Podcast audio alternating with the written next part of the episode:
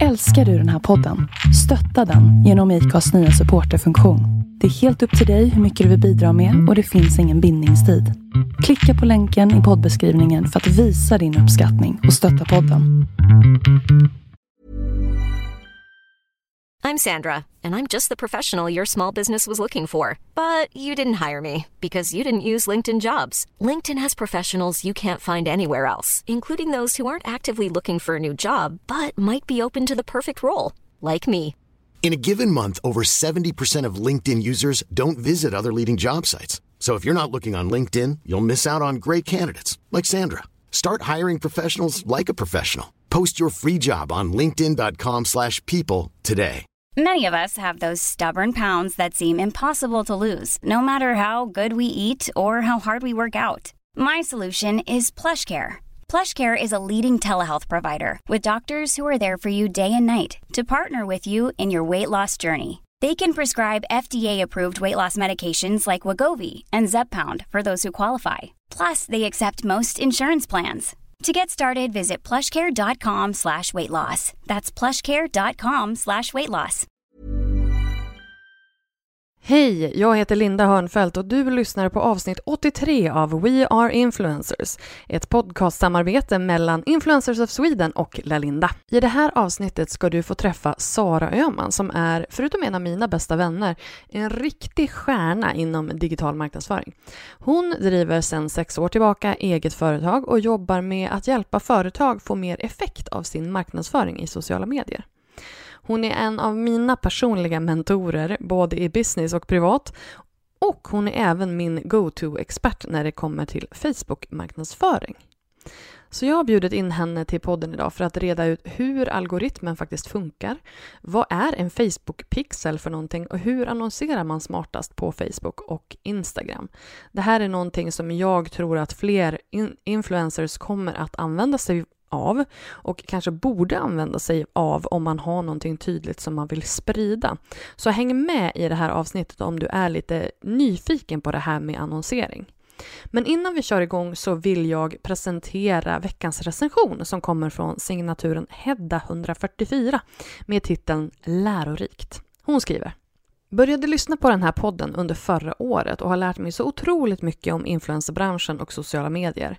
Roligt att höra konkreta tips på hur influencers arbetar och tips för hur man ska tänka om man vill arbeta inom detta. Har dessutom hittat massor av nya profiler som jag nu följer dagligen. Rolig, lärorik och intressant lyssning. Heja heja! Tack snälla Hedda för din recension. Vad kul att du hittat nya profiler att följa genom podden. Det är ju en av de fantastiska bieffekterna av att lyssna på den här podden. Du vet väl att du också kan lämna en recension av podden på iTunes? För när du gör det, när du lämnar en recension eller ett betyg, så hjälper det podden upp på de här listorna på iTunes, vilket ger fler möjligheten att upptäcka den här podden. Dessutom så vill jag ju jättegärna höra vad du tycker om podden och vem vet, kanske lyfter jag just din recension i ett senare avsnitt. Och du, glöm inte att skärmdumpa det här avsnittet och posta på Instagram stories. Tagga gärna mig på atlalinda och sen också våran gäst att Sara Oman, Oman, Oman och dela med dig vad du tog med, med dig från det här avsnittet eh, och eh, vad du tyckte om det. För att jag älskar ju att höra ifrån dig som lyssnar. Det vore jättekul att höra från dig. Men nu tycker jag att vi kör igång dagens avsnitt.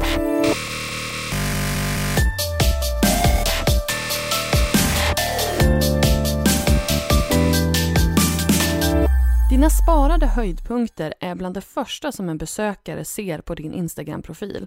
Därför så vill jag ge dig några tips om hur du bäst kan använda de här höjdpunkterna för att få nya följare. På lalinda.se stories ger jag dig mina fem tips på hur du kan använda dig av de här höjdpunkterna på ett smartare sätt för att fånga upp nya följare och bygga relation till dina existerande följare. I samma inlägg så ger jag dig också en gratis guide till hur du enkelt piffar till dina sparade höjdpunkter. Du har säkert sett dem hos andra, de här fina små ikonerna som man har till varje sparad höjdpunkt istället för att ha en trist stillbild från en video, en stillbild som du inte ens får välja själv.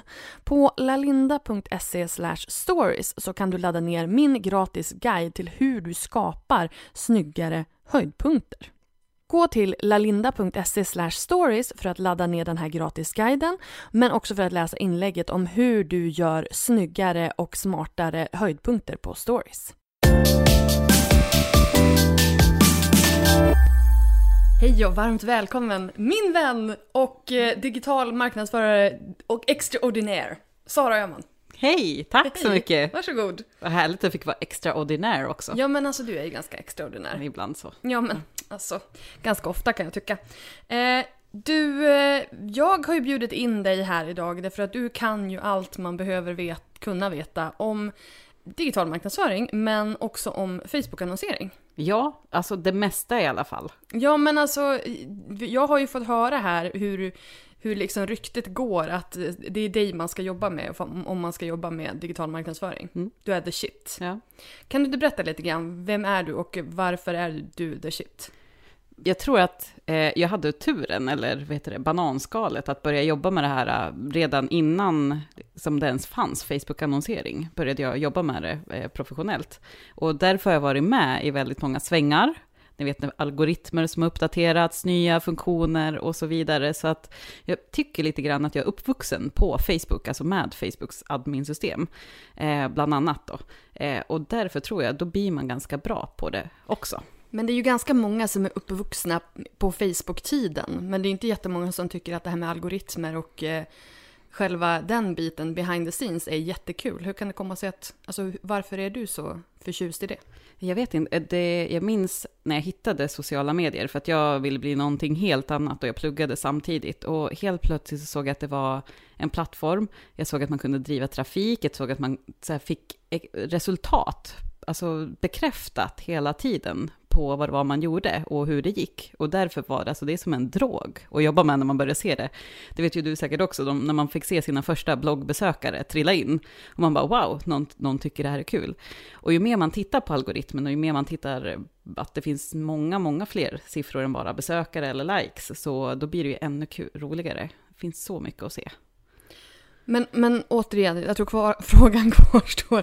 Alltså vad, vad har du pluggat? Hur har du hamnat här? Ja, jag, jag pluggade faktiskt ekonomi och läste bokföring och affärsutveckling och affärsprocesser. Eh, började faktiskt blogga, började då och tycka det här med sociala medier var spännande, för jag var på ett sånt seminarium. Eh, och kom i kontakt, den här, del, den här tiden så var, det, var internet väldigt litet på något sätt. Det kändes väldigt litet i alla fall. Och det var jättelätt att få kontakt med folk. Så jag började faktiskt blogga. Eh, fick kontakt med folk på Twitter, kom i, kontakt med SEO, som jag vet att du gillar så mycket. Sökmotoroptimering. Sökmotoroptimering. Eh, och började liksom hitta och jaga länkar. För att länkar var på något slags ett sätt att få trafik, men också det tyckte jag om att se väldigt kul hur PageRank ökade hela tiden. Eh, och så när jag hade pluggat klart så fick jag jobb på en reklambyrå som jobbade med digitala, digitala projekt. Eh, fick som första uppdrag att bygga en kampanjsajt med hjälp av ett team i Indien. Hade ingen aning om vad API var. Vet du, du vet vad API är? Jag vet inte vad det står för, men, men jag vet ju Eh, typ vad det är för någonting. Det är en gateway. Application Protocol, eh, någonting. Information. Ja, någonting sånt. Ingen aning. Eh, och lärde mig lite tekniken bakom också, eh, vilket jag inte så jätteofta berättar att jag kan. Men... Alltså API, är, det är väl typ så här, man kommer in bakvägen och kan liksom koppla in sig på olika tjänster. Koppla Precis. ihop olika tjänster. Så Facebook har ett API som du kan bygga vidare på, till exempel. Jag förstår typ. Jag gjorde en app f- för bilddagboken, det första jag gjorde. Alltså Sådär ja. Dave-use då. När, när var det här? Eh, 2010, det låter jättelänge Det sedan. låter som att det är skitlänge sedan, Men det är- men det är ju liksom, jag menar, jag skaffade Facebook 2007. När skaffade du Facebook? eh, ungefär samtidigt, tror jag. Ja. Det var någon gång när jag började plugga. Okej, men vad, vad, vad händer idag? Vad gör du idag då? Eh, idag jobbar jag som eh, egen konsult, alltså kons- frilansare kan man säga. Eh, och har gjort det i fem år. Ja, du och jag, vi startade ju företag ganska precis samtidigt. Ja. Jag tror jag startade typ två månader innan, eller var det du som startade två månader innan? Nå- något sånt. Men vi körde igång Vi precis körde igång samtidigt. precis vi har samtidigt. genomgått den här liksom, föränd- transformationen. Eller Precis, vi har haft lika svårt att acklimatisera oss.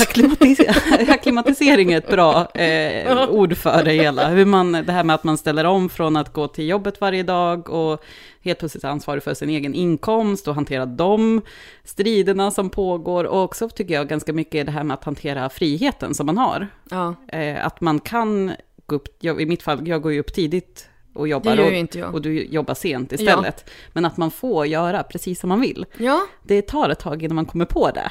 men vad är det bästa då? Och hur har du liksom hittat, för du har ju gått igenom, jag menar jag har ju gått igenom liksom konsultperioden, sen har jag ju drivit liksom någon slags eget icke vinstdrivande projekt. Och sen så har jag ju nu, ska nu eh, gå in i det, här att eh, göra lite mer skalbara produkter. Eh, Men du har ju liksom kört den här konsultgrejen hela vägen, någonting som jag insåg ganska tidigt att jag inte var så bra på. Nej. För att jag kunde inte bolla flera kunder samtidigt.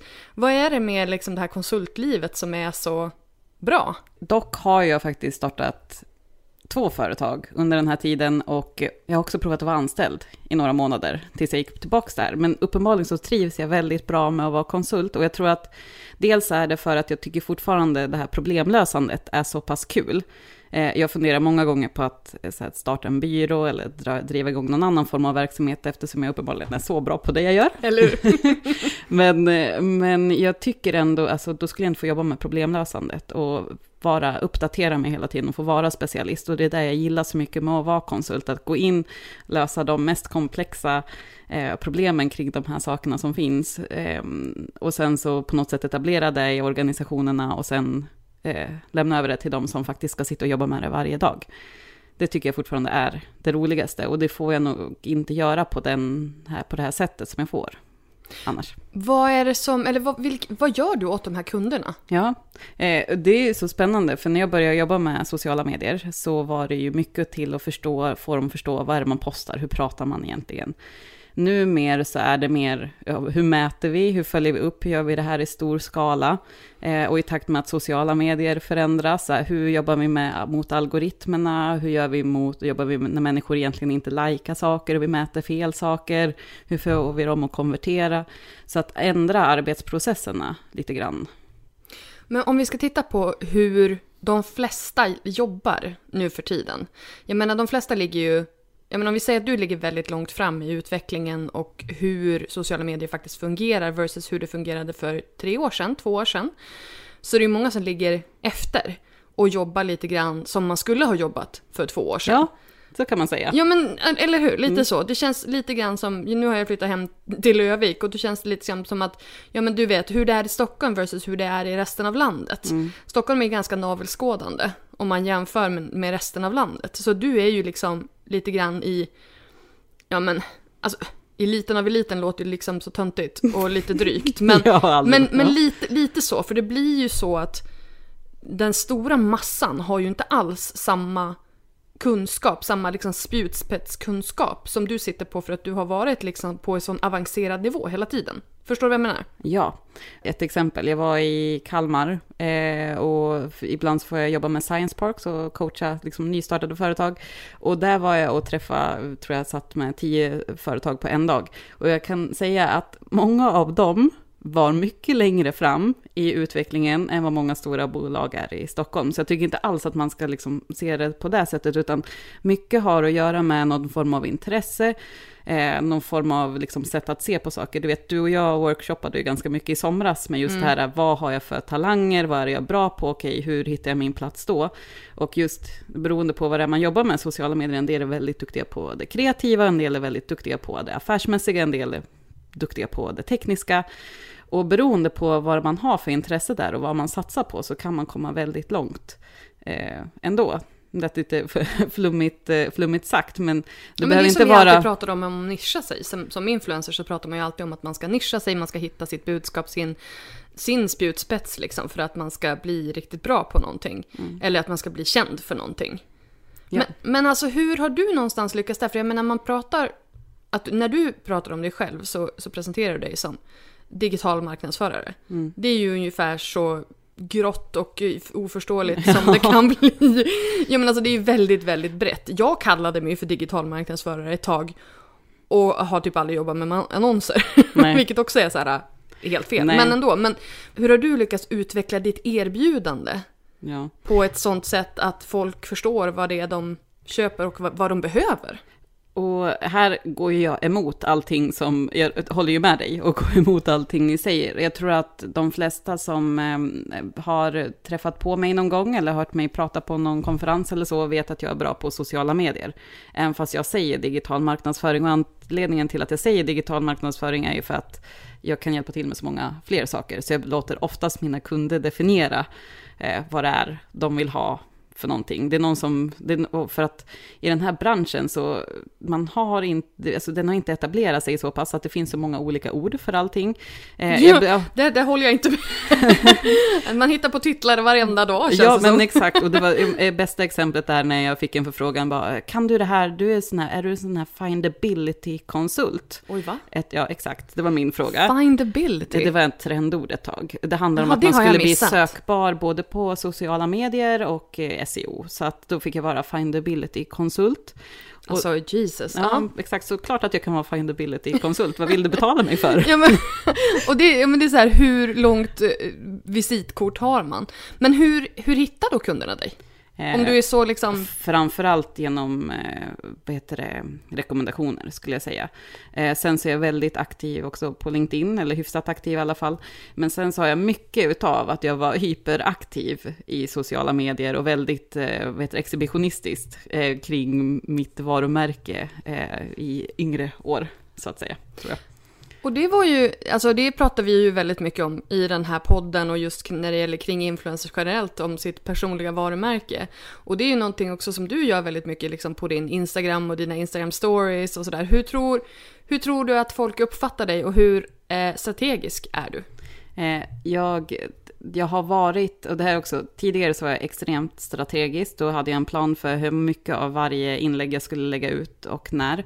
Eh, nu för tiden så kanske jag har eh, tappat lite av den strategin, just för att jag har haft ett så bra inflöde av kunder och varit lite bortskämd. Och för att jag tycker det jag gillar mest av allt med sociala medier och det jag brinner för, att man ska vara sig själv och transparens, transparent. Ehm, och jag tror att jag vinner ganska mycket på det också, för att människor knyter sig an och tycker att det är spännande och intressant eh, att se. Men just, ehm, vad heter det, när det kommer till strategin där så tror jag att det skulle kunna vara mycket bättre.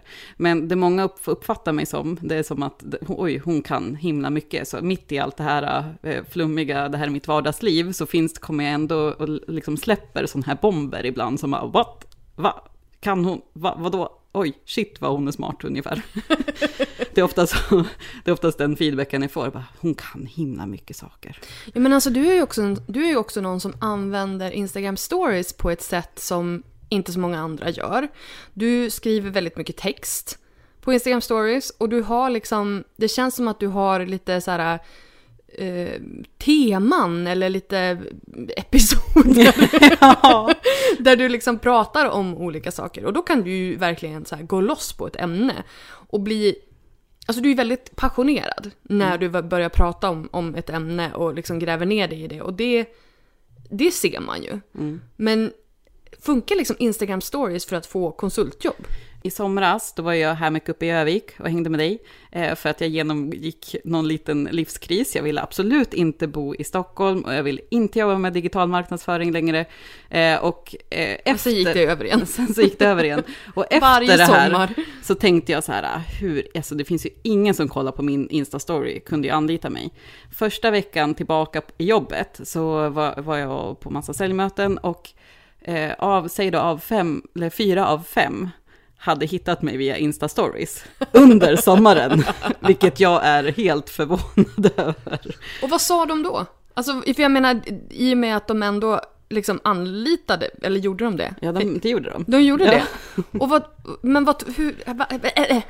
Nu, nu ska vi komma ihåg att jag krisar ju inte alltid lika mycket på stories som jag gör, det är bara ibland. Och jag tror att men folk känner igen sig där och det blir inte så eh, farligt eh, då, tänker jag också. Men, men är det då den här liksom grejen att man är personlig. Alltså den klassiken liksom. Jag, jag tror det, hoppas jag.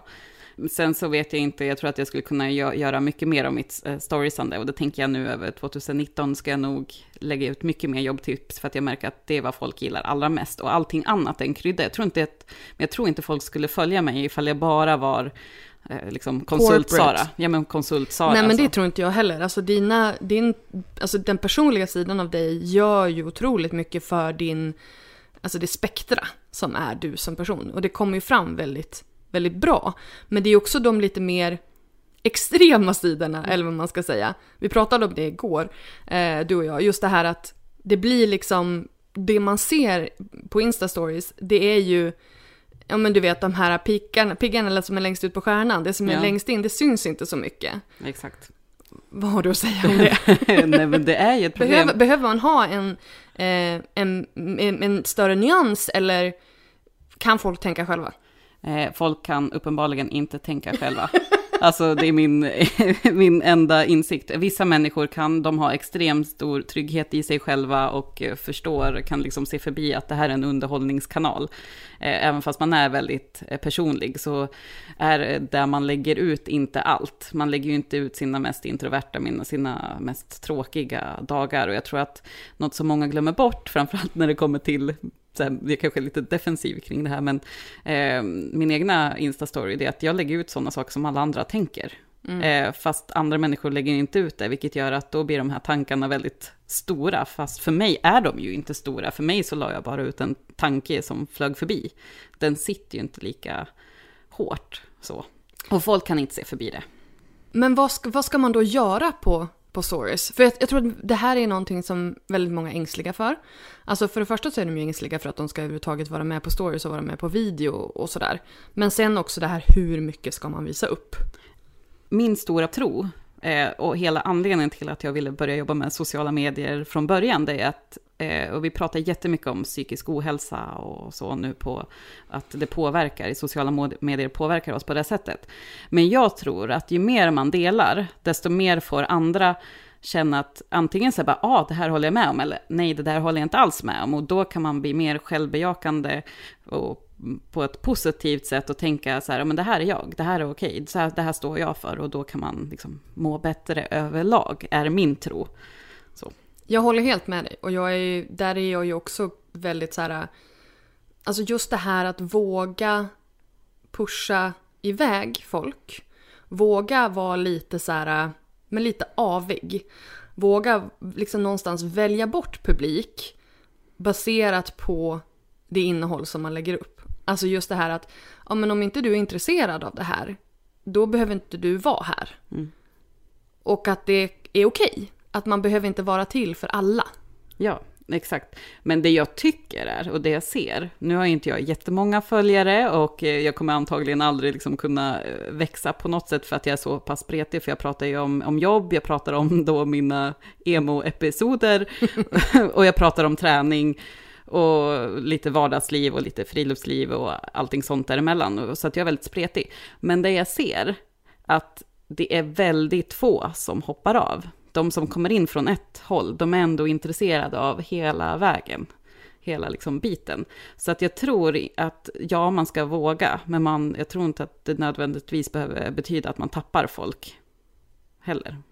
Och om du gör det så är det ju ändå inte rätt folk. Nej, exakt. Det är någonstans där jag försöker så landa i att om det är så att folk avprenumererar från ens nyhetsbrev eller avföljer en, så här, man ska liksom inte sätta sig och gråta över det därför att då var det ju inte din publik ändå. Nej. Och någonstans så måste du liksom ha ett syfte med att du har din publik utöver att liksom alla ska gilla mig.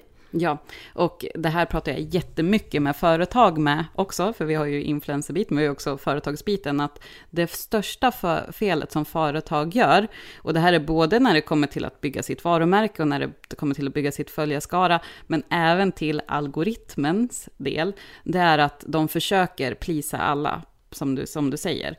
Eh, och genom det så blir det inte intressant för någon. Och, och särskilt inte då för att den, så enligt algoritmen visar ju det som, de personerna som är dina superfans, eller de som liksom mest hängivet följer dig, det, det visas ju för dem först. Och tycker inte de att det är intressant, de som är och följer dig hela tiden, då kommer inte innehållet sprida sig vidare till resten heller, som på något sätt vill ha det. Så därför blir det superviktigt. Ja men berätta, jag tror att det är väldigt många som vill veta hur funkar den här algoritmen? Du som har liksom insikterna, berätta. Eh, vi kan börja, vi kan ta, Facebook är ett jättebra exempel tycker jag. Facebook och Instagram är ju väldigt bra kompisar. Eh, YouTube funkar ju på något sätt lik, liknande, så att de flesta algoritmer funkar ju likadant. Facebook, när du loggar in på Facebook, för varje post så har du 1500 alternativ som ska dyka upp, alltså för varje post som dyker upp. Då kan vi förstå varför det behövs en algoritm. Eh, för Beror vad... det på hur många vänner man har? Ja, det beror på hur många vänner man har. Men snittet på Facebook, vilket jag ah, tror okay. att de flesta... Snittet, ah. Så har du många vänner så har du fler alternativ, har du färre vänner. Eller, och dels hur många vänner du har, men också vad du ligger i för typ av målgrupp. Så att till exempel är du en kvinna på 30-årsåldern så har du antagligen eh, ännu fler alternativ eftersom alla vill annonsera mot dig. Vad trevligt att man är attraktiv någonstans. Eller hur? eh, jo, och baserat då på vad, vad, som ska visas för dig, baseras på 300 olika datapunkter, alltså 300 olika faktorer. Eh, och det har att göra med det, såhär, vem du är och dina intressen och allting, sättet du, såhär, vad du klickar på, ifall du tittar mer på video eller ifall du klickar mer på bilder eller ifall du väljer att läsa länkar och, och så vidare. Så att massa olika sådana punkter. Och dels beroende på vad du har för relation till den avsändaren.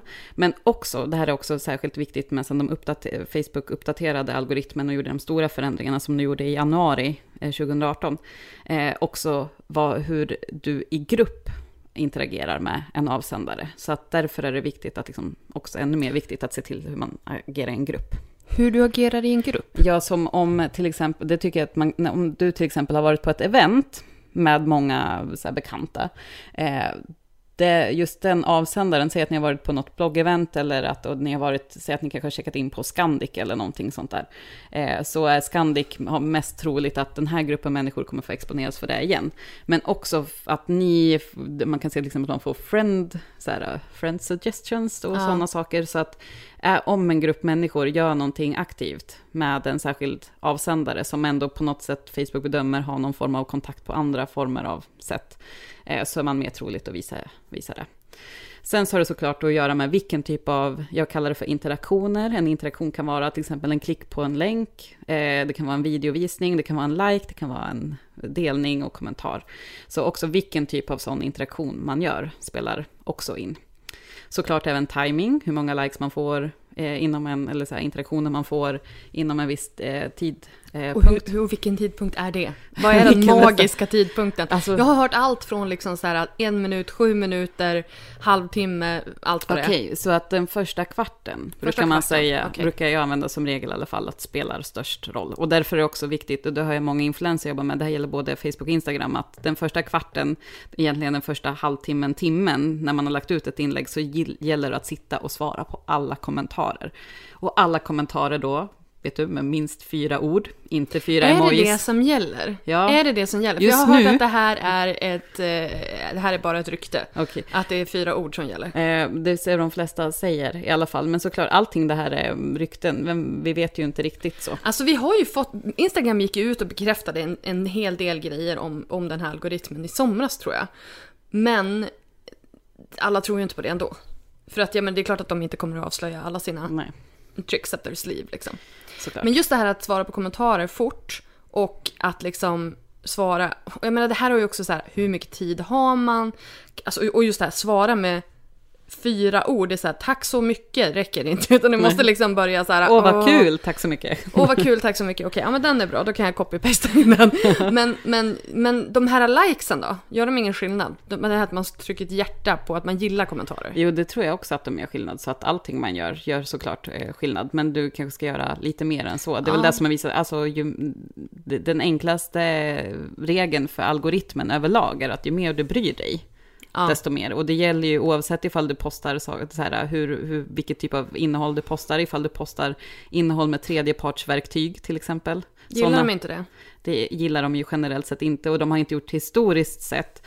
Eh, till exempel Later är ett sånt vanligt Som tredjepartsverktyg. Som jag älskar. ja, eh, har ju har behandlats ganska väl av Instagram tidigare. Man börjar se att en viss nedgång i hur de behandlar mm -hmm. Later. Och också det här med, och det är också en anledning till varför om Facebook ser att du, att du alltså postar ett inlägg från Instagram istället för att posta direkt på plattformen, trots att Facebook och Instagram är samma företag, så ser de det som att du inte anstränger dig tillräckligt Alltså mycket. det här tycker jag är så jävla tramsigt, alltså Ja. förlåt. Men, men just det här att inte posta från tredje parts, ja men då får de ju skapa bättre verktyg. Ja. För att faktiskt kunna typ schemalägga eller svara på kommentarer eller göra sådana saker. Alltså det, de har inte tillräckligt bra verktyg. Nej. Så att då liksom, ja jag vet inte. Jag Det blir... kommer, tror jag. Man ser, just nu så ser man mycket den typen av utveckling, att de vill kunna möjliggöra för schemaläggning också. Men det är just det här, Instagram måste vi komma ihåg vad är i stunden. Alltså de, Instagram är till för att, alltså instant. Eh, Vi ska lägga upp saker, vi ska vara där och vara aktiva och visa vad som händer just nu. Medan Facebook kanske är ett mer någon slags redaktionellt forum eh, från början, eller där man har kontakt och visar upp gamla album och vad gjorde jag igår till exempel. Alltså absolut, jag förstår att det är deras intention. Men samtidigt så måste man också hänga med i hur kunderna använder forumet. Och användarna har ju liksom visat att okej, nu vill vi göra det här, nu vill vi använda det här så här. Borde inte då Instagram och Mr Zuckerberg liksom tänka att vi kanske ska följa användarna istället för att liksom försöka trycka in dem i en tratt där de inte vill vara? Ja, det kan man ju tycka. Jag har inget svar på det. Jag Så tycker väldigt mycket Ja. saker när det gäller det här. vi skickar in en sån här förfrågan in i den. Till Instagrams supportmail som inte existerar. Nej. Men alltså, okej, nu blir jag lite, lite så här exis- existentiell. Men det här är alltså, i, i slutändan så är det här ett privat företag som har liksom tagit över alla våra liksom egentligen sociala interaktioner. Inte Ja. alla, men väldigt, väldigt många. 90 procent, nej inte 90 procent heller kanske, men väldigt många sociala Ja. interaktioner har den här, det här företaget, Facebook, Instagram, liksom WhatsApp. Äger de WhatsApp också? Ja. Ja, ja du ser. Du har, du, det finns ingenting kvar. Nej. Eh, men, och, det jag tänker, jag lyssnade på en, en podd med Twitters, eh, en av Twitters gamla vdar. Eh, Han är lite cranky. Nej, men nej, den här, eh, det var inte en- av de som har varit väldigt mycket i media, men det var, det var en annan som pratade om ledarskap. Men han berättade eh, under arabiska våren, som var första gången egentligen eh, Twitter, Facebook och YouTube och alla plattformar fick en väldigt stor eh, innebörd. Och då berättar han hur de blev då tillkallade till the Oval Office, alltså till presidenten, Oj, i en oj. sittning med presidenten, alltså fyra personer och presidenten. Eh, där då de här tech- tech-killarna från Silicon Valley, som egentligen var, bara var programmerare, fick, eh, fick frågan, hur tänker ni er nu när ni är ansvariga för eh, världens eh, demokrati? Och det vi ska komma ihåg är ju att de här plattformarna ju bara funnits i, alltså knappt tio år. Eh, och det började någonstans med att det var en tech-kille som satt och programmerade en tjänst som han skulle vilja använda själv. Eh, och helt plötsligt var de ansvariga Han för hade Sveriges... ingen ideologi liksom. De hade liksom ingen ideologi eller någonting sånt, de ville bara göra, skapa en bra tjänst för sina användare. Och sen ville de bara tjäna pengar på det. Ja, fast jag tror fortfarande, det kom in massa folk i, i Facebook, jag, jag brukar tänka så här, att när Mark Zuckerberg lämnar Facebook, då försvinner jag från internet. Eh, för många andra på Facebook vill tjäna jättemycket pengar. Mark Zuckerberg är en av de här originalpersonerna som bara ville bygga en tjänst. Ja. Eh, sen så är det såklart att han också vill tjäna massa pengar och är en så här, som person, men som, som den, i den roll han har, Ja. eh, så har, är han ytterst ansvarig liksom, för att ja, vad händer när han försvinner? Ja, det vill jag inte ens tänka på. Alltså Nej. när någon av de här, och samma sak, alltså vilka personer som är ansvariga för de här tjänsterna är ju liksom huvudsaken. Men är det någon som jag litar på så är det Mark Zuckerberg, vågar jag säga. Men ingen annan. Jag är ju en sån här som inte gillar att använda Google särskilt mycket heller. Jaha, nej, jag har ju lämnat bort hela mitt liv Ja. till, till privata Jag brukar företag, också känns ju... jag brukar tänka så att ju mer man lägger ut, desto mindre har de på det. Ja men lite så, plus att jag har inte så många skelett i garderoben. Mm. Så att jag, alltså, men då är jag ju, alltså både du och jag är ganska så här, ja ja, men, eller du är i och för sig lite mer så försiktig jag, men jag, jag är lite så här, ja ja, skitsamma vad de hittar. Mm. Alltså jag, jag står för det, ja, 98 procent av Ja, men det jag jag har tycker gjort, också det är liksom. ganska mycket samma. Så att, alltså jag är inte så orolig egentligen vad, vad som händer. Jag fick en sån här spam-mail, jag vet att du också Ja. har fått det. Eh, från, när man skickar, ja precis, man skickar från, eh, de, man får ett mail från sin e, sitt eget mailkonto. Och så är det någon som försöker utpressa en eh, på bitcoin för att de vet att de har hela ens, en- ens in, internethistorik och har tagit bilder bilder på en med ens egen webcam. Och jag är så här bara, ja men alltså godnatt. liksom. Vad ska ni Ingen göra med kommer bry sig. det finns inte så mycket där som inte finns ute på internet i alla fall. Liksom. Exakt. Eh, så att, eh, jag är inte så orolig för det. Men, men det är klart att jag förstår att, liksom, vad var det vi såg på? Jo, vi såg på Vita huset, du och jag, Ja. häromdagen. Alltså The West Wing. Och då sa en av karaktärerna, det här är ju alltså från 90-talet, då sa han att den nya mil- millenniets stora fråga kommer att bli privacy. Alltså Ja. ens privatliv. Och det är ju där vi är nu.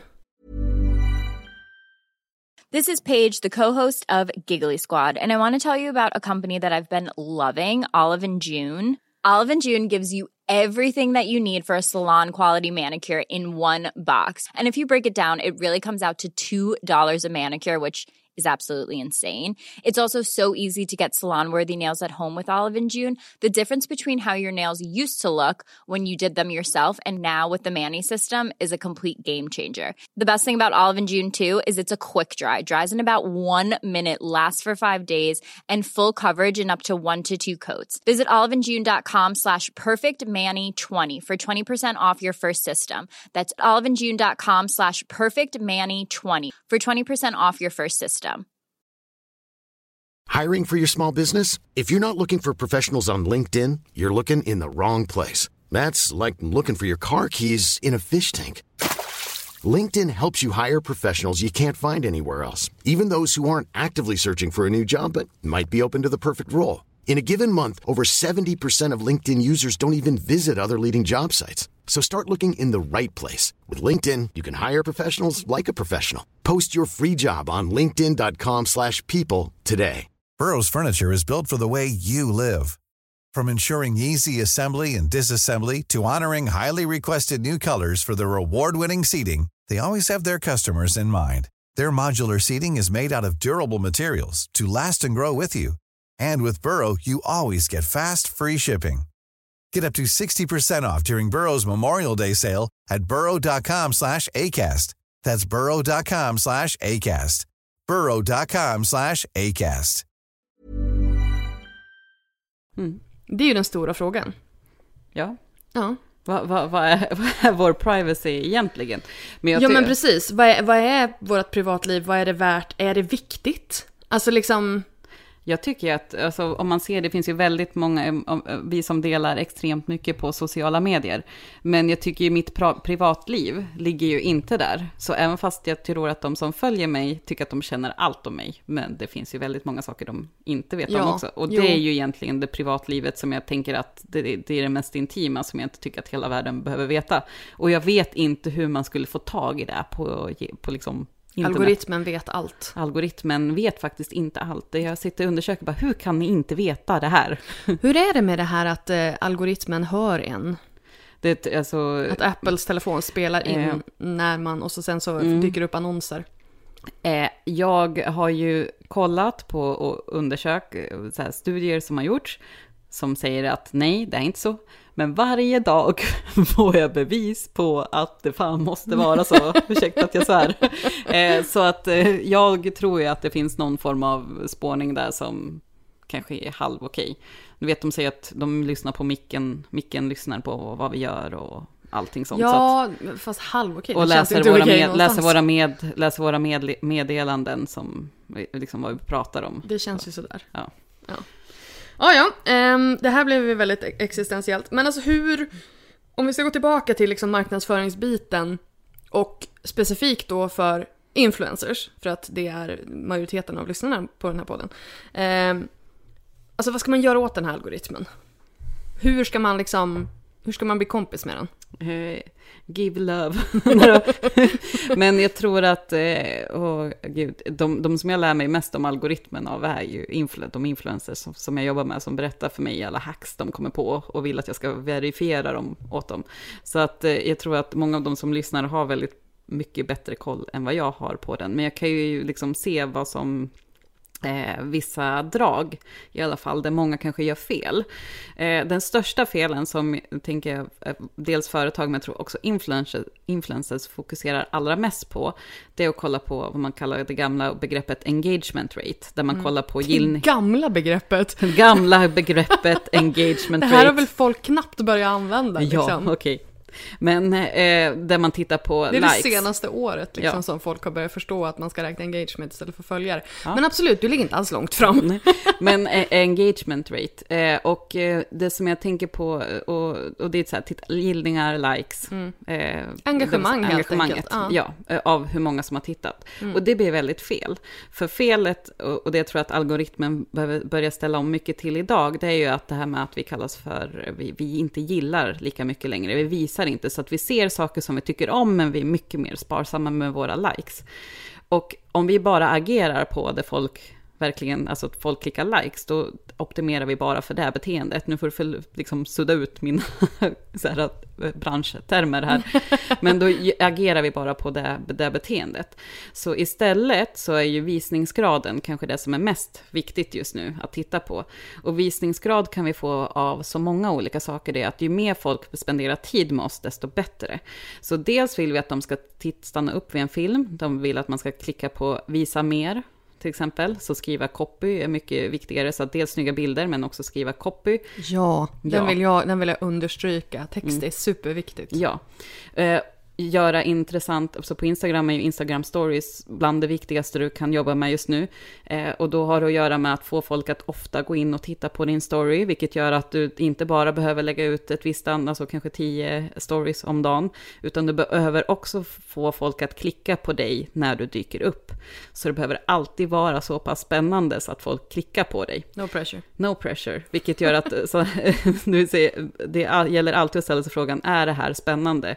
till exempel är jätteintressant att lyssna på när folk pratar, men man behöver lägga in så här stillbilder ibland. Ja, för att det inte ska bli... texta, som du gör väldigt mycket. Ja. ja. bara för att liksom få att känna att det händer någonting. Ja. Och också då kanske eh, fula sig lite med att lägga in någon så surprise på stories då och då, så ett off topic grej, vilket gör att man testar lite grann och ser vad som, hur folk reagerar på Men det. Här, det har väl att göra med storytelling generellt, liksom. Ja. Att, att, och det, det är ju så att det, engagerande historier kommer ju alltid att vara det som fungerar bäst, oavsett algoritm eller inte. För som du säger, algorit algoritmen följer ju bara, försöker ju efterlikna och multiplicera vad en normal människa skulle göra. Liksom. Mm. Så att jag tror ju att egentligen inte så gräva ner sig i att man ska kommentera på med fyra ord eller vad, utan faktiskt liksom agera som en normal människa ja. och engagera dig i din publik så kommer det att lösa sig liksom. Precis, det tror jag också och visa som att man, man, man bryr sig. Precis, precis. Inte bara att, ja men vad är, det, vad är det de brukar säga, det finns ett amerikanskt uttryck som är Post and Ghost. Just det här att man lägger upp en bild och sen försvinner man och svarar inte på kommentarer eller någonting. Post mm. and Ghost. Jag tycker att det är ganska bra. Ja, och det är eh, ganska dåligt. Ja, precis. Men det är ett väldigt bra uttryck. Mm. Men man ska inte göra så. Det är, dåligt. Det är dåligt. Men alltså, okej. Okay, algoritmen, eh, bra. Då ska vi prata om Facebook-annonsering. Ja. Facebook och Instagram-annonsering. Hur funkar det? gud, var ska vi börja någonstans? eh, som, varför ska man använda det? Varför man ska använda det. Eh, lite olika syften, och jag, särskilt när det kommer till influencers kan det vara ganska svårt att tänka sig varför ska jag använda det här? För att ofta så tänker man sig att det kanske är företag som vill driva annonser till en sajt där de kan sälja någonting. Eh, men det kan ju vara bra just för att i vissa fall boosta sig eh, kring algoritmen. Eh, men också kanske driva in trafik till en sajt eller till något specifikt inlägg som man vill att ska få mycket visningar eller någonting sånt. Eh, och då finns det lite olika alternativ. Eh, jag tycker om man går in på Facebook och lägger upp en annons, och nu pratar jag inte om att den här där det står sponsra post eller marknadsför inlägg, eh, utan när man går in i Facebooks annonssystem, Ads Manager, och skapar en annons, så har Facebook gjort det väldigt tydligt, tycker jag. Det står, ehm, nu ska jag försöka komma på vad det heter på svenska, men det står typ medvetenhet, det står Eh, alltså vad man vill ha för... Precis, de har delat upp, det finns tre kolumner. Och, vad man vill ha för resultat. Ja, exakt. Och nu kommer jag säga det här på, eh, på engelska bara för att jag inte kommer på de svenska orden, för min är inställd på engelska. Men det, det heter, går bra. Ja, det heter awareness, consideration och conversion. Så vad mm. vill du ha? Mm. Och utifrån det så står det listat, så här, vad vill du att vi ska optimera för? Fråga Facebook. Eh, och vill jag ha mycket, om jag behöver ny, mycket ny räckvidd, då är det såklart att då väljer jag att göra räckvidd. Om jag vill ha consideration, till exempel trafik eller engagemang, eh, videovisningar tror jag finns där, evenemangsinbjudningar, ja men då väljer jag consideration, alltså ett av de Det låter ju hyfsat ja. enkelt. Men vill inte alla ha konvertering? Ja, och det, det, här gör, alltså det här nu tror jag ingen av eh, de, här, We Are Influencers lyssnare kommer göra det här misstag, misstaget, men så många företag, e-handlare har fått hjälpa ur träsket när de har börjat med, jag vill ha konvertering. Och vad som händer när någon väljer konvertering då, vilket är att eh, Facebook, du säger till Facebook att du vill att de ska optimera för de som gör ett köp på ett sajt, alltså beteendet att göra ett köp på ett sajt en sajt, gör att de börjar, om man tänker en konverteringstratt som ska vara väldigt bred, eh, mm. högst upp, mm. så optimerar de ju bara för nedre delen. Så de optimerar mm. för en väldigt liten del av människor, vilket gör att Facebook, alltså, dina resultat kommer vara... Du får inte in någon folk i tratten. Och du kan kanske efter, det, du, du kan liksom inte spendera så mycket på Facebook, för att du, det är en liten målgrupp. Mm. Hur ska man göra då? Eh, jag brukar tänka, ifall det billigaste alternativet är ju att först göra någonting som får in mycket räckvidd och på det sättet lär du Facebook vilka typer av interaktioner så här, äh, du vill ha och börja se vilka som är intresserade och utifrån det så kanske du kan göra konverteringsannonser eller trafikannonser ifall du skulle vara ett företag som gör det. Eh, när det kommer till en influencer, då kanske du vill ha först gå väldigt brett och göra någonting som ska få så mycket räckvidd som möjligt. Alltså, och då betalar du alltså, så lite som möjligt för att nå så många som möjligt. Och vad, till exempel, vad skulle det kunna vara? Lägga ut en video till exempel, som du vill att många ska se. Då, och det optimerar för att så många som möjligt ska se den. Eh, så kanske du gör det. Sen så det här ska gärna vara sådana här Virala videos. Virala videos, ja. Och det bästa sättet är ju att när man ser att en video börjar gå väldigt bra, att lägga annonser på den, inte innan det. För att det man ska komma ihåg är att Facebook eh, väver in både eh, den organiska prestationen, alltså den genuina, och, också mm. den man köper för. Så Precis, att, så algoritmen, om, om den har gått bra från början, då, då, då är det nästan som att sätta raketbränsle Då blir det som halva pris ja, okay. på annonseringen mm. kan man säga. Eller raketbränsle. raketbränsle. Det beror på vad vi... raketbränsle, ursäkta att jag avbröt din fina... Men vad är den här jäckande Facebook-pixeln för någonting? Ja, eh, det är också... Vet du vad en pixel är? Ja, alltså en pixel i, i liksom från början, det är ju en väldigt, väldigt, väldigt liten beståndsdel, en liten digital beståndsdel. Ja. ja. Och den här lilla eh, digitala beståndsdelen som är, eh, ja, som ett skript egentligen, som är någonting du lägger in på din sajt, och det tror jag alla som har en blogg känner till vad ett skript kan vara, är någonting du lägger in på din sajt för att spåra vad trafiken på din sajt gör. Eh, och den här lägger man då till för att kunna koppla Facebook-aktivitet till sin sajt. Alltså om du har en blogg till exempel. Och du måste ha då en egen sajt för att lägga in det här. Det funkar ju inte på Instagram. Du kan inte ha blogg.se och liksom... Eh, eventuellt kan blogg.se ha utvecklat en sån mm, funktion, men jag tror inte det. Men... Man kan inte lägga in det själv i alla fall. Nej. Eh, så att när du har gjort det här, då kan Facebook börja förstå vad trafiken gör även utanför Facebook som du skickar dit. Och på det sättet kan du också få en bättre Facebook-närvaro för att Facebook samlar in interaktioner då från din sajt. Men vet då Facebook vilka av besökarna på din sajt som vilka de är på Facebook? Ja, det vet Facebook om. Alltså, så de, Hur då? På allting du gör samlas in med cookies och typ sådana så här, de fotspåren. Så att Facebook kopplar ju varje eh, då användare till en e-postadress. Eh, och liksom, eller en e-postadress eller någon form av identitet. Och när den här identiteten rör sig runt så ser de vad du vad du gör. De kan ju, Facebook kan ju inte så isolerat säga att den här personen gjorde det här till dig. Det kommer du aldrig få veta och särskilt inte efter det senaste halvåret har Facebook tagit bort extremt många sådana funktioner för att få reda på saker om specifika användare. Efter Cambridge Analytica? Ja. Mm. Så idag i vissa fall så visar de inte ens hur, mång, hur stor en målgrupp som du har gjort baserat på dina webbplatsbesökare är egentligen. För att de, har varit, de är så nervösa just nu för att visa för mycket. Men vad kan man då göra med den här, eh, den här statistiken eller den här datan? Som du lägger en pixel på din blogg och då eh, spindlar eller då kommer, då kommer all den datan in på Facebook och vad ska du göra med den sen? Ja, eh, så det du kan göra då är ju att skapa målgrupper. För målgrupper på Facebook fungerar det så med annonseringsmässigt. På Google så budar du på sökord. Eh, på YouTube budar också på något sätt på vissa sökningar eller vissa intressen sådär. Men på Facebook så budar du på människor. Alltså målgrupper av människor. Så att hela Facebook, allt det som de som jobbar mycket med eh, Facebook-annonsering idag, de jobbar inte så mycket med att komma på häftiga annonser, utan de jobbar med målgruppsoptimering. Eh, så att det är hela det är hela nöten att knäcka. Och när du har lagt en pixel på din sajt så kan du skapa en målgrupp av den. Du kan skapa en målgrupp baserad på alla som har varit inne på din sajt, men också specifika landningssidor, alltså specifika sidor, kategorier eller så. Men om jag bara haft några hundra besökare inne på hemsidan men vill annonsera för flera tusen då? Eh, då kommer du inte komma särskilt eh, långt med det. Jo, men kan jag inte göra sådana här lookalike målgrupper? Ja, det kan man göra. Så att baserat när du har skapat en målgrupp... Du inte min ledande fråga. Ja, men jag har ett, eh, ledan, eller har ett annat svar på den. Okej. Okay. när, när du har skapat en, en målgrupp så bör den, när du samlat in data, det finns något som heter, det finns då på Facebook kan man skapa anpassade målgrupper, vilket är målgrupper baserade på då den här Facebook-pixeln, alltså din webbplatstrafik. På kundlistor heter det, alltså e-postadresser till exempel. Så nu när du har samlat in massa folk från din, eh, från din eh, mailinglista, mailinglista på din kurs till exempel. Då kan man eh, lägga in dem på Facebook och så kan du göra annonsering mot dem förutsatt att de har godkänt det. Du kan göra det baserat på videovisningar, alltså de som har sett på en viss video. Du kan göra de som har, kommer från din Instagram-profil kan du skapa en målgrupp på. Alla som har interagerat med dig på Facebook kan du också skapa målgrupper på. Alla som har anmält sig till ett evenemang. Sådana anpassade målgrupper kan du skapa. Dock kan du inte annonsera mot dem, eller det finns vissa tricks som går runt det, men du kommer inte göra det med särskilt eh, stor framgång ifall de inte är över tusen personer.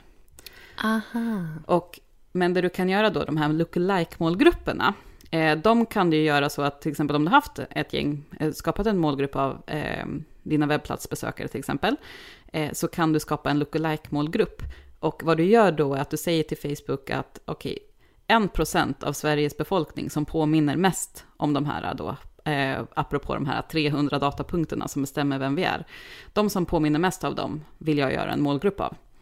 Dock fungerade väldigt dåligt ifall du inte har en målgrupp då som är originalmålgruppen som är över 1000, 5000, helst liksom 10 000 pers. Då kan man börja komma riktigt nära. Okej, okay. men det är väldigt bra att veta för att då har man liksom någon slags magisk gräns att du behöver komma upp i till exempel 1000 webbplatsbesökare eller e-postprenumeranter. Eller Instagramföljare. Eller, eller Instagramföljare. Eh, för att faktiskt kunna liksom använda den här funktionen. Det är ju faktiskt en, det är en bra liksom, ja, riktlinje, riktlinje mm. för att man inte då ska lägga en massa tid och pengar på sånt som inte fungerar. Ja. Vad bör man då som vad bör man tänka på när, när det kommer till mätning? Alltså vad, vilka liksom, nyckelsiffror finns det? På Facebook? Ja, ja, eller, ja både och. Vad ja. vill du dela med dig? Ja, när det kommer till mätning. Eh, men dels har det att göra med eh, hur, ehm, alltså, eh, det som jag tittar mycket på är vad en målgrupp kostar till exempel. Hur mycket betalar jag för den här målgruppen? Eh, det kollar jag på någonting som heter CPM, det tror jag är lite överkurs, men vad det kostar att annonsera mot tusen personer. Kost per mil kost per mil, för per tusen visningar är det. Eh, och, det är väldigt vanligt också när man använder till exempel Google-annonser eller banner-annonser generellt, ja. så, så, att man räknar på just exponeringen. Ja, och, det, och det, därför tycker jag att det här gamla begreppet, det får vi nästan kalla gammalt begrepp, för att det var uppfanns när digital annonsering uppfanns, CPM. Ja, ja. Det finns ja, massa den, mer spännande. Den har nog varit med i 10, 20, ja, ja. inte typ år. Men det är ju egentligen det enda ta, mat, mat, mättalet vi har att jämföra olika kanaler mot varandra. Alltså vad kostar det att nå ut här mm. egentligen? Så därför tittar jag mycket på det. Och det, på det sättet kan jag se, är det här en väldigt liten målgrupp? Är det många som vill nå ut mot den här målgruppen? Eh, och också om min annons fungerar väldigt bra så kommer jag få lägre CPM eftersom Facebook ger mig massa gratis trafik. De ger mig rea på trafiken. Man får helt enkelt betala om man gör en, mer om man gör en dålig annons. Ja. Om man har gjort liksom ett dåligt jobb. Ja, så... Det är därför man ska anlita dig för att göra de här annonserna. ja. Som sagt, jag kan algoritmen, det kreativa får någon annan gärna stå för. Men ja. Men hur ska man då, liksom, om hur, när ska man då använda den här, ja men nu vill jag ha attention och con, awareness consideration och uh, conversion. Ja. V när ska man använda vad? Ja, det beror ju lite på vad man har mycket av, eller lite av. Om man tänker på att jag har tre stycken tunnor här som det alla helst ska vara full, fulla. Så om det börjar ta slut på eh, awareness, alltså räckvidd, så kanske jag behöver fylla på där för att jag når ut till samma personer hela tiden. Men har jag redan samlat mycket räckvidd och har lågt engagemang, då kan jag göra saker för att liksom, boosta Och det säger Facebook till? Nej, det gör de inte, utan Nähä. det får du sitta och titta på siffrorna. Jaha. Så lite så här, hur många, och det, det blir ju svårt, men det är så här, hur många behöver jag ungefär nå ut till? Alltså precis som du visade mig här i din bullet journal så satt du och förde liksom protokoll på riktigt. Jag blev väldigt inspirerad. Jag kommer Med också penna och börja, papper. Ja, med penna och papper. Jag älskar penna och papper, så jag kommer också börja göra det här. Och då kan jag ju se så här, okej, men nu har når jag ut, det växer, alltså tillväxten är dålig, du, som du visar hur du, många du, nya följare du får till exempel. Eh, och för att nå ut nytt så behöver jag kanske göra någonting här, och antingen kan jag göra någon annan form av samarbete, eller så kan jag göra Facebook-annonsering. Så att då kan jag liksom ge en liten in, injektion av nya följare. Sen så till exempel så finns det kanske sånt man alltid vill, vill göra också, beroende på vad det har, alltså driva trafik eller mm, driva en engagemang till en post. Och då kanske man ska låta det rulla på en väldigt liten nivå hela tiden i så fall. Vad tycker du är en rimlig eh, annonsbudget eh, per månad om man är liksom en, en influencer som vill ha lite, ja men lite boosta lite liksom? Ja, jag Vad är skulle- det minsta man kan an- köra utan, utan att det liksom är helt bara värdelöst? Eh, jag skulle säga, eh, det minsta man kan göra kanske är göra en annons över två dagar. Ehm, då tycker jag att det kan räcka med 100 kronor. Man får inte jättemycket ut av det, men eh, rimligt eh, ett gäng. Och så lägger man du 500 kronor så kommer du få såklart mycket mer räckvidd så. Och gör man det en gång i veckan, eh, någonting sånt, då kommer man ju ha mycket utav det, tror jag. Alltså bara för att boosta. Och det som är så bra med, med influencers innehåll är ju att det är faktiskt sånt innehåll de engagerar. Är du ett företag så kanske du inte får så mycket utav det här, utan då kanske du bara har lagt ut en liten Ja, det, du får ingen exponentiell tillväxt av det, medan du som influencer faktiskt kan få det. Och det kan ju faktiskt, en anledning till att göra det är ju för att kanske jag börjar träffa fel. Jag har träffat fel i min algoritm, så att jag når inte ut till mina följare längre. Och då kan ju det vara ett sätt att så här, ja men, bara påminna folk om, här är jag, till exempel. Eh, det kan ju vara ett, ett bra sätt att använda annonser för en influencer, är ifall det är någon särskild kampanj eller någonting man vill gjort. Antingen att man kanske har gjort ett samarbete, Eh, eller att man har släppt en egen produkt av något slag som man vill marknadsföra. Det tror jag är de bästa tillfällena också då man faktiskt ska annonsera. Eh, inte kanske bara på det vanliga alldagliga, utan när det är något sånt särskilt som man ändå behöver jobba lite extra för att få ut. Då kan man ta den här chansen att få den här boosten. Ja, och kanske också när man har gjort något extra bra innehåll, om man har gjort en bra guide till någonting eller om man har, jag menar, om man har någonting som man ser får, som du säger, att man får engagemang eh, på andra, liksom, ant- antingen andra pla- plattformar eller för mycket kommentarer eller någonting som man ser att folk, folk engagerar sig i. Ja. Då kanske man också ska lägga lite pengar på det. Ja, hellre det än att göra det i affekt. Alltså när man har panik över att nu går inte saker som man ska. Och det tycker jag att man ser att de flesta influencers som annonserar gör det just när de har lite panik över att räckvidden har gått ner eller... Och det är inte så bra material egentligen som man pushar för. Nej, exakt. Nej, jag ser det också. Då, då känner jag så här, varför pushar du för det här? Du har ju mycket bättre material. Exakt. Om du skulle säga liksom, om företag jobbar med influencers och, och lägger in annonser i det, hur vanligt är det och hur vana är företag att göra det? Eh, Att lägga in annonser... Ja men just det här att man boostar, man gör ett företag, eller man gör ett samarbete med en influencer och så sen så boostar man det Som på företag. Instagram. Ja men precis. Eh, då har man ju säkert kommit överens om det så det finns inlagt i ett avtal att det ingår liksom i, i alltså det ingår en, en mediebudget utöver den orga, organiska räckvidden i samarbetet. Och så då boostar man den här, den här posten. Är det här någonting som företag tänker på eller tänker de bara att de ska nå ut med den organiska räckvidden? Eh, jag tror att de väldigt få tänker på det. De som gör det smart tänker på det. Även fast de kanske inte annonserar för just själva det influencerinlägget så tänker de kanske att de ska göra saker runt omkring för att plocka upp följarna. Det jag tycker att de flesta företag gör väldigt fel idag, att de gör influencersamarbeten och sen så låter de trafiken och så vara när det är klart, istället för att påminna de som har varit inne och kanske varit intresserade av det här samarbetet, eh, faktiskt påminna dem om att titta, här var de här produkterna du gillade. Att jobba med retargeting Ja, liksom. Så att man isolerar influenceraktiviteten till influenceraktiviteten, istället för att se det som någon, Mm. Som en del i en större kampanj liksom. Ja, Ja, men det är ju sant, det är sant. Det är ju väldigt många som blir liksom en, en, ett, en, ett nedslag och sen är det slut. Ehm, men just det här att jobba med, som du säger, retargeting eller kanske bara boosta senare på, via företagets kanaler Eh, kan ju också vara en idé. Ja, och det tror jag också att eh, för en influencer som vill tjäna mer pengar på, eller argumentera, lägga in fler produkter i sitt erbjudande till företaget också, kan jobba mycket mer med att eh, inte kanske erbjuda all sin data, men vissa delar som, som liksom en förlängning av samarbetet, som gör att företaget på riktigt kan tjäna mycket mer Att på de det. får ta del av den här målgruppsinformationen, tänker du? Ja, eh, det är ju inte helt rätt att, att göra det, men Fast visst kan man göra det, för att nu är det ju också så att Facebook, ska du göra annon- en annons för ett företag på Facebook så måste du använda annonsmärkningen där också. Det ser jag ju till exempel, ja men L har gjort ett eh, samarbete med eh, något hudvårdsmärke till exempel. Och då, då är ju den annonsen av L och det här eh, liksom i, Ja. ja. tillsammans med så. Och det borde ju också influencers göra mer med liksom sina... Precis, så möjligheten att tagga företag, och tror att vi kommer se mycket mer av, för att det är någonting Facebook jobbar jättemycket på att utveckla. För det man ska komma ihåg är att eh, som eh, plattform i jämförelse med YouTube och eh, är ju Instagram väldigt både Instagram och Facebook väldigt efter. Eh, och någonting som Instagram och Facebook vill jobba mycket mer med är att liksom få influencers, för att det är de som driver plattformarna. Eh, och idag så finns det ju inget riktigt sätt att tjäna pengar från det här precis som det har funnits på YouTube. Eh, så att jag tror att man kommer se det mycket mer. Och det är också att ju mer företag gör samarbete med influencers får ju, kan de också få data.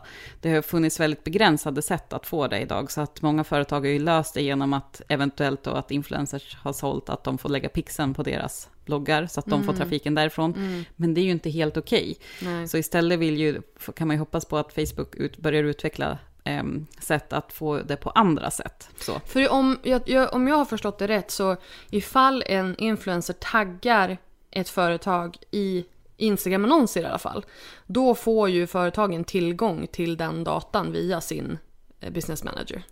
Eh, på något sätt. Det är frågan hur de, hur de jobbar med den. Så, så Ja men det tror fall- jag är okej. Alltså det tror jag det är liksom via Facebook liksom. Ja, men då kommer det antagligen räknas som en del av alla deras interaktioner på Instagram till exempel, som gör att de kan plocka ut den. Så Ja, att det är inte helt självklart hur företagen ska jobba med det idag, men ja, på de sätten kan de göra det och man ser att fler får tillgång till det också. Nu känner jag att vi har gått väldigt långt ner, väldigt djupt ner och det har blivit väldigt avancerat, Ja. åtminstone för mig. så jag tänker att vi ska avrunda med, liksom, har du några så konkreta tips för best practice med eh, Instagram och Facebook-annonser? Vad, vad, vad ska man tänka på? Vad får man inte missa?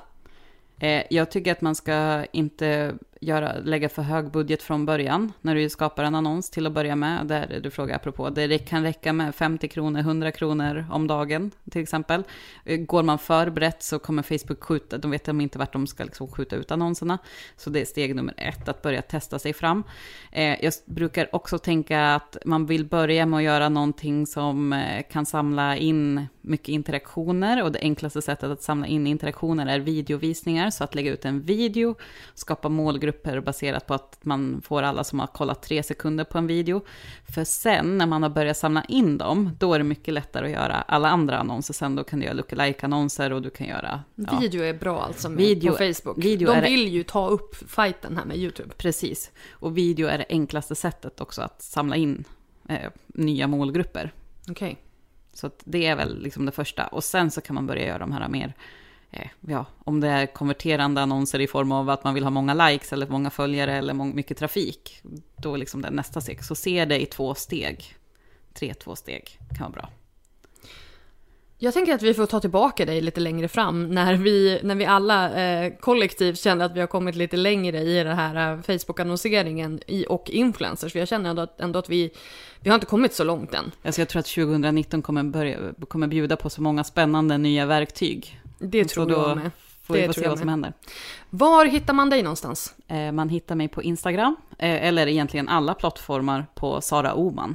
Med OH. OH, Sara Ohman. utan H och sen så Ohman. Usch man. Ja, ehm, där. Eh, Och så har jag en blogg med massa internettips. Ifall man är intresserad av det. På Instagram är det bara strunt. Det är det inte alltid. alls. Nej, inte, men mycket strunt. Hon är väldigt rolig på Instagram stories. Om man gillar emo. Eh, Tack snälla Sara för att du var med i podden. Tack Linda för att jag fick vara med.